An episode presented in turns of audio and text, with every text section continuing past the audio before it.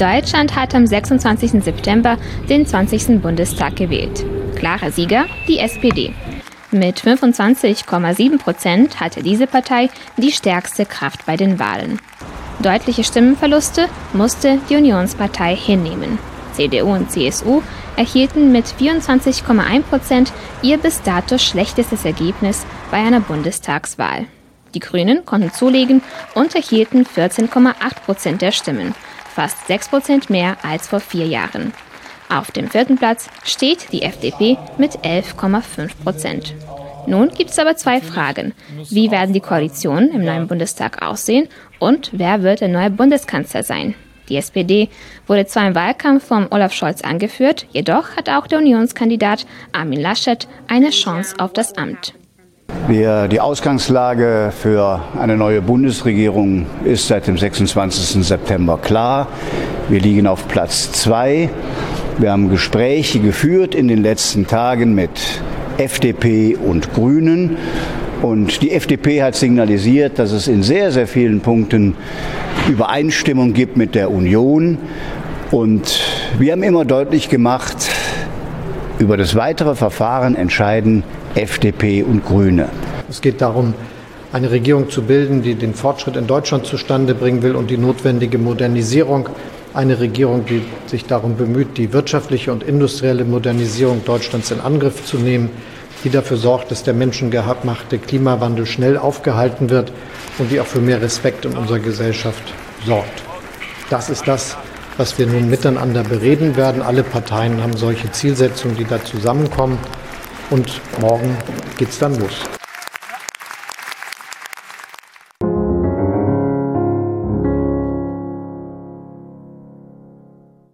Wir bleiben bei dem Thema Bundestagswahl und haben nun die Ehre und die Freude, mit dem deutschen Botschafter in Belgrad, seine Exzellenz Thomas Schieb, zu sprechen.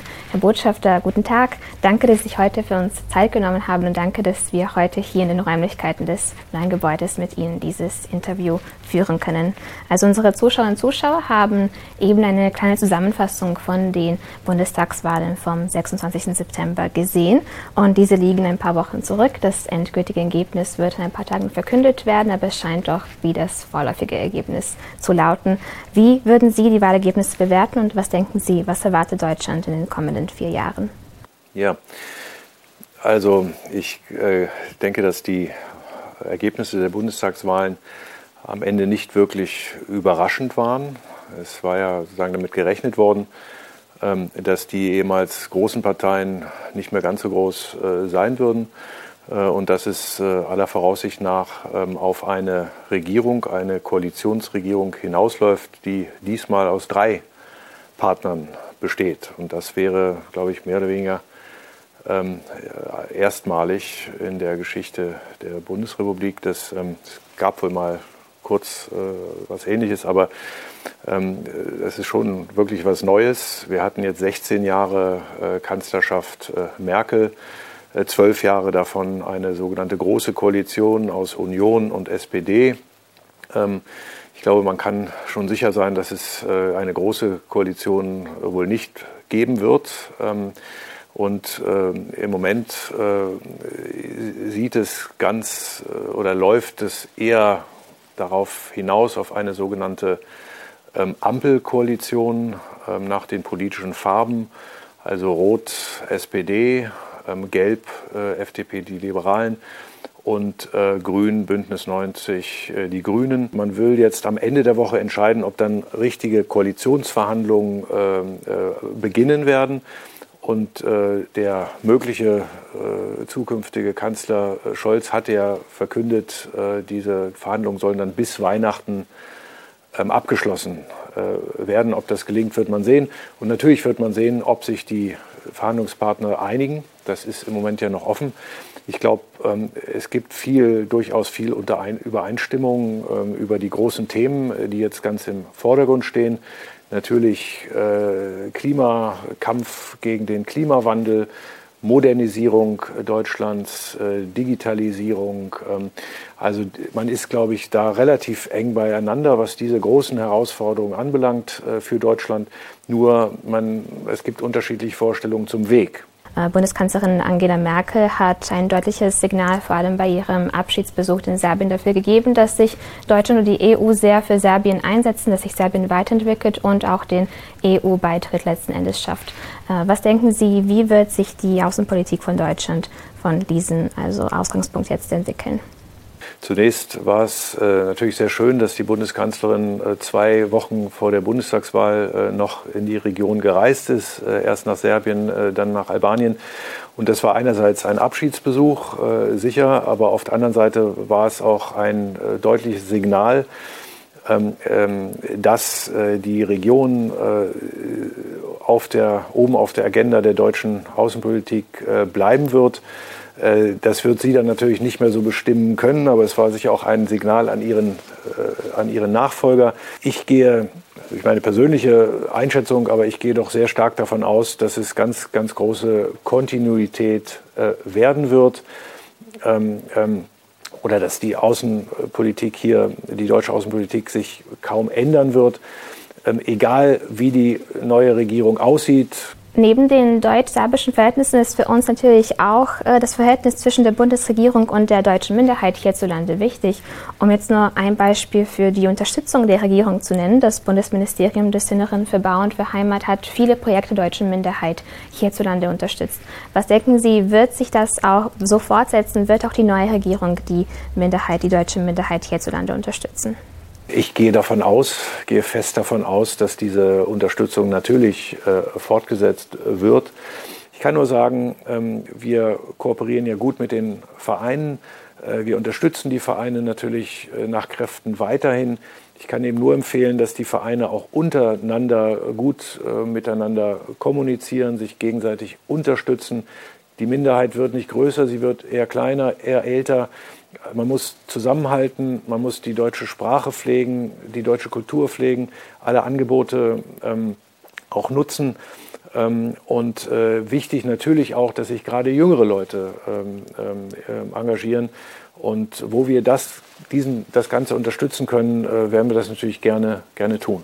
Und zum Schluss wollte ich noch kurz auf das Thema Tag Deutschen Einheit zurückkommen. Diese wurde am 3. Oktober in äh, Halle gefeiert und bei dem Festtag hat die Bundeskanzlerin Merkel die Wichtigkeit der Demokratie betont. Sie hat betont, dass man sich stets für diese einsetzen muss, um diese aufrechtzuerhalten. Und auch das Kommentar des Bundesratspräsidenten über die weiterhin bestehenden Unterschiede zwischen Ost und West äh, war interessant. Würden Sie vielleicht bitte einen Kommentar äh, zu dem Feiertag und auch zu dem Festakt geben?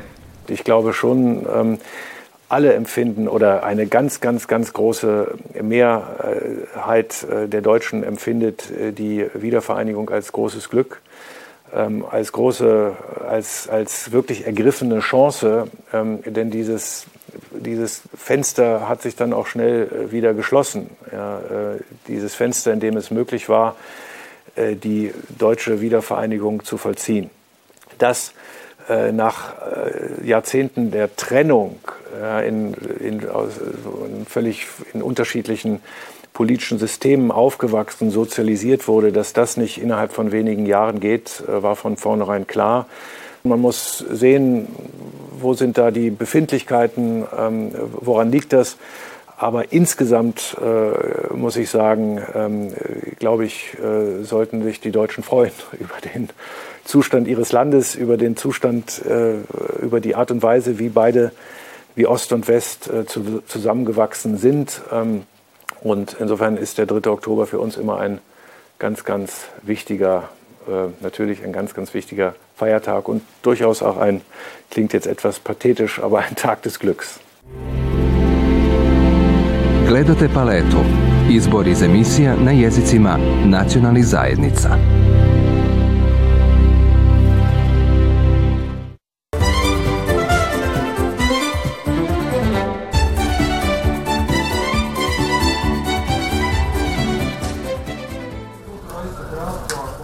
Maestro, Sie sind ab jetzt für ein Jahr der neue Chefdirigent von Vojvodina Symphoniker und genau zum zehnten Jahrestag des Orchesters. Was bedeutet diese Aufgabe für Sie? Sie sind ein europaweit anerkannter Dirigent. Es gefällt mir sehr, wie das auf Deutsch klingt. Es, es zeigt halt die die Stärke der, der Sprache, wenn man sagt Vojvodina Symphonica. Nicht, weil, weil, weil eben der Termin Symphonica oder Philharmonica suggerieren eine reiche und, und langjährige Tradition in einem Sprachgebiet und in den Ländern, wo klassische Musik äh, wirklich die, die größten Fortschritte gemacht hat in der Geschichte und sich dann quasi verbreitet hat überall auf der Welt, wo die Nationalschulen dann überall begonnen haben, Werke zu kreieren.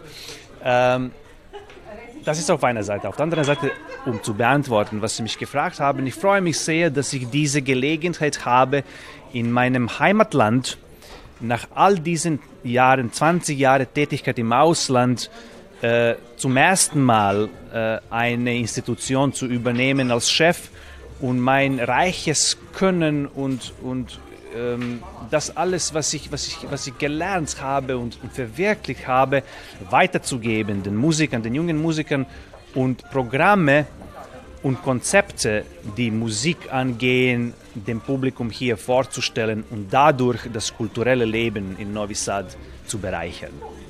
Ja, und was für Konzepte bieten Sie an? Was für Programme kann das Publikum genießen in folgendem Jahr? Wir haben eine, eine Menge an Programmen entwickelt und zusammengestellt. Nicht alle fanden Platz in dieser Saison, weil die Planung ist durch die Pandemie etwas, ja, ähm, nicht verunsichert, sondern es ist nicht möglich, alles wirklich festzulegen. Es ist besser, mehrere Ideen zu haben und dann rauszufiltrieren, was für eine bestimmte Saison äh, adäquat erscheint. Wir, haben, wir beginnen mit einem Programm, der besteht aus einem frühen Ligeti-Werk, jetzt im Rahmen von Kaleidoskop Corso, einem frühen Ligeti-Werk, Konzert Romanesque, äh, gepaart mit Kodai Tänze aus Galanta und Ravel Bolero. Das, ist, das heißt, das Tanz ist im Mittelpunkt von diesem Programm. Es bietet neue Werke und auch bekannte Werke und eine wunderschöne Konstellation zwischen neuer Herausforderung und das, was das Publikum wirklich liebt. Zusammen dann mit Stefan Milenkovic, der spielt auch die Zuckerl sozusagen von dem Geigenrepertoire. Dann haben wir zu, zum Verdi-Jahr haben wir vor, äh, das Verdi Requiem anzubieten. Das ist auch eine große Herausforderung. Das wurde auch lange nicht in Novi Sad gespielt. Mit, mit einem Team von jungen, international bedeutenden oder international bedeutend werdenden Solisten werden wir vor, vorstellen. Es kommt Ivo Pogorelic, wie gesagt, nach, nach, nach 40 Jahren äh, nach Novi Sad. Es gibt einen, einen auch äh, spritzigen ähm, Neujahrskonzert und so weiter. Also es, es, ist viel vorhanden, es ist auch eine große Vielfalt an, an musikalischer ähm, ähm, Programme vorhanden. Und ich glaube, wir werden dadurch auch in diesem ersten Jahr, wo ich Chef hier bin, äh, ein Zeichen setzen, dass die Kultur auflebt und dass sie uns allen wichtig ist. Und ich bedanke mich bei allen, die unsere Vorgaben unterstützen durch finanzielle äh, äh, Maßnahmen. Und ich bedanke mich im Voraus dem Publikum, dass sie kommen, zahlreich, so viel sie können, um Novi Sad auch dabei in diesem Wachstumsprozess zu unterstützen. Ich weiß schon, dass das Publikum begeistert sein wird und ich wünsche Ihnen viel Erfolg und Spaß auch. Danke vielmals.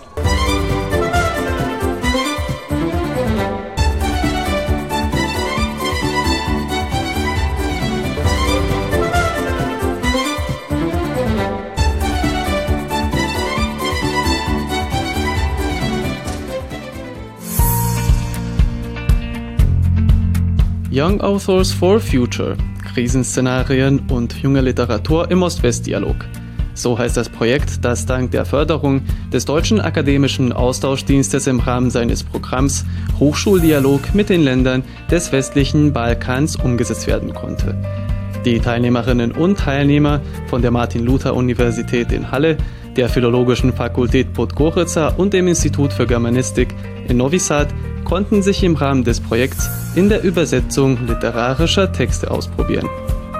Wir hatten die Idee, äh, ein Projekt zu starten, das sich mit dem Schlüsselthema dieser Zeit beschäftigt, und zwar mit der Krise, und das auch äh, jüngere Autoren mit einbezieht und jüngere Studenten mit einbezieht, die etwas zu diesem Thema zu sagen haben. Je nachdem, in welcher kollektiven Identität wir konfrontiert werden, je nachdem, welche persönliche Identität wir haben, in welchem Kontext wir aufgewachsen sind, in welchem Land wir aufgewachsen sind, welche Erfahrungen wir persönlich gemacht haben oder als Kollektiv gemacht haben.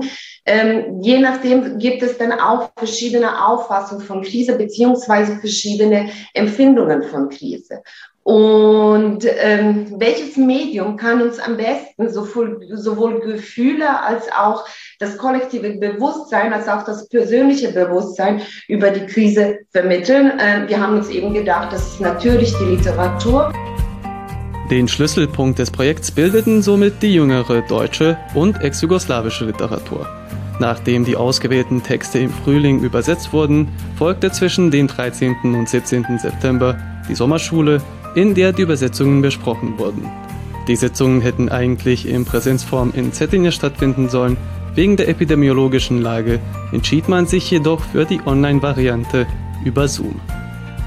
Als ich zum Beispiel bei anderen Übersetzungsprojekten teilgenommen habe, äh, habe ich versucht, so, äh, so gut wie möglich es in, ins Deutsche zu übersetzen. Aber ich hatte nie eine Rückmeldung, ob das so im deutschen Geist ist, wie man es sagen würde.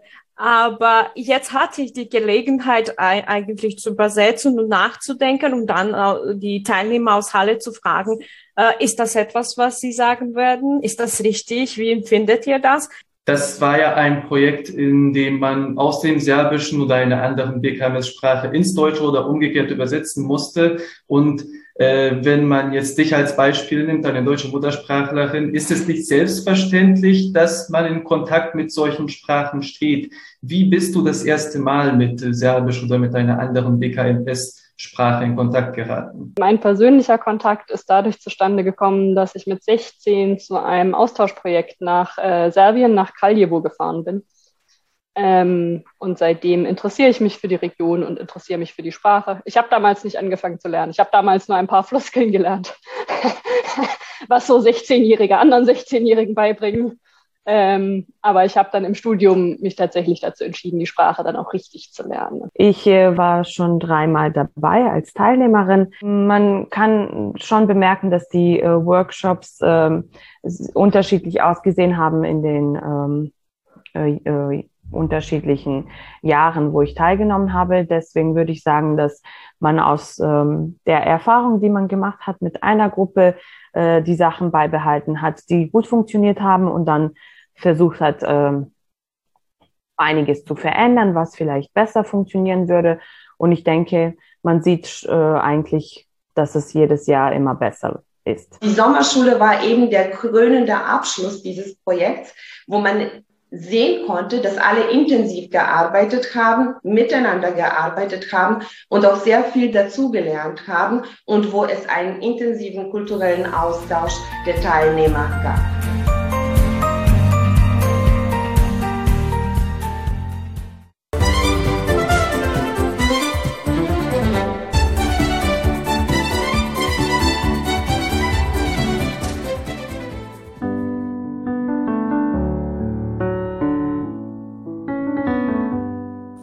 Teil der Geschichte der Donauschwaben der jungen Generation näherbringen. Dieser Gedanke prägte die Konzipierung der Ausstellung Donauschwaben in Bild, Wort und Fotografie, die am 2. September in der Stiftung Heimathaus in Karlowitz eröffnet wurde. Durch informative Plakate wollten die Autoren den vielfältigen Beitrag der Donauschwaben zur Entwicklung der Landwirtschaft, der Kultur und der Infrastruktur der Vojvodina darstellen. Es soll aber auch die Geschichte der Donauschwaben des 20. Jahrhunderts gezeigt werden. Die Vertreibung, Inhaftierung und Flucht der donauschwäbischen Bevölkerung wollten die Autoren ebenfalls in der Ausstellung darstellen, wobei sie betonten, dass sie nur einen Teil der Geschichte dieser Minderheit erfassen konnten. Der Kurator der Ausstellung, Stepan Seder, arbeitete zusammen mit Rudolf Weiß, Radka Dider-Porschel, Jasna Apatovic und Marco Seder. Mit dieser Ausstellung wünschen wir unseren Mitbürgern, die Donauschwaben, ihr Leben in dieser wohlenden Region und ihr Verfinden vorstellen. Die, Donauschwaben lebten seit 1760. Jahren in größerer Zahl in diesem Gebiet und waren bis zum Ende des Zweiten Weltkrieges die zahlreichste Bevölkerung im Gebiet der heutigen Vojvodina. Über das wollen wir den Besucher mit dieser Ausstellung vorstellen, welchen Beitrag sie im Kultur-, Bildungs- und vor allem im wirtschaftlichen Bereich geleistet haben, genießen. Von der Herkunft der Donauschwaben über ihrem Schicksal im Ersten und Zweiten Weltkrieg bis hin zu ihrem Leben, wie es heute in der Vojvodina aussieht. Die Plakate geben mehr als nur einen einführenden Überblick von der Geschichte der Donauschwaben. Dabei ergänzen sie die Dauerausstellung des Heimathauses, denn das Heimathaus an sich ist ein Zeugnis der donauschwäbischen Geschichte.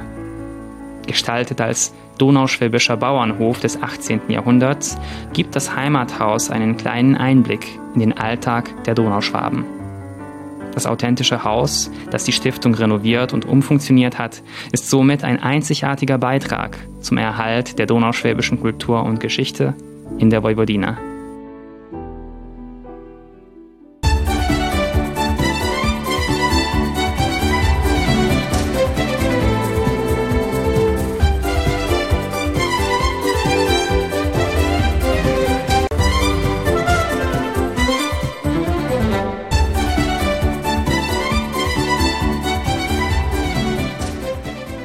Oktoberfest ist ein massives Ereignis, das keine Vorstellung braucht. Mit jährlich über 6 Millionen Besuchern ist das Oktoberfest das weltweit größte Volksfest überhaupt. Aber das Festival erfreut sich nicht nur in Deutschland einer großen Beliebtheit. Weltweit wird das Oktoberfest auch in kleineren Versionen veranstaltet und seit sechs Jahren auch hier in Novi Sad. Und obwohl das Münchner Oktoberfest schon zum zweiten Mal wegen der Pandemie abgesagt wurde, stellt dies den Novi Sadern kein Problem dar. Vielmehr noch, sie haben dies als ihr Motto verwendet. Ihr Motto lautet nämlich, da sie auch dieses Jahr nicht zum Münchner Oktoberfest gehen konnten, sind sie herzlich eingeladen hier in Novi Sad beim Novi Oktoberfest. In vorpandemischen Zeiten konnte das Novi Oktoberfest bis zu 15.000 Besucher versammeln. Diesmal verringerte sich die Zahl der erwarteten Gäste auf ungefähr 2000. Doch die Essenz des Oktoberfests blieb erhalten. Gute Brezeln, gutes Bier, gute Musik und gute Stimmung. Ich stelle schon seit 20 Jahren bayerische Backwaren her. Das Rezept für die Brezeln habe ich aus Deutschland mitgebracht. Mit dem Fest sind wir zufrieden. Wir sind davon überzeugt, dass unser Bier definitiv am besten schmeckt. Es handelt sich um ein traditionelles Bier, das einen ausgeprägten Malzgeschmack hat. Andere Geschmackssorten mögen zwar heutzutage vielleicht populärer sein, aber wir stehen zu dem traditionellen Geschmack, der sich bewährt hat. Das diesjährige Novi Sada Oktoberfest wurde von der Organisation Color Media Communications mit Unterstützung der Stadt Novi Sad veranstaltet. Ich muss sagen, ich bin stolz auf alle, die an der Veranstaltung des Oktoberfests beteiligt waren, da es uns gelungen ist, das Fest auch unter den gegebenen Umständen auf die Beine zu stellen. Das Programm ist auf jeden Fall fantastisch. Das Oktoberfest ist eine wichtige Veranstaltung, weil sie Elemente der deutschen Tradition mit Charakteristiken der Vojvodina kombiniert. Und somit ist sie nicht nur mit Hinblick auf die Stadt Novi Sad und auf unsere Provinz wichtig, sondern auch mit Hinblick auf unsere Beziehungen zu Deutschland.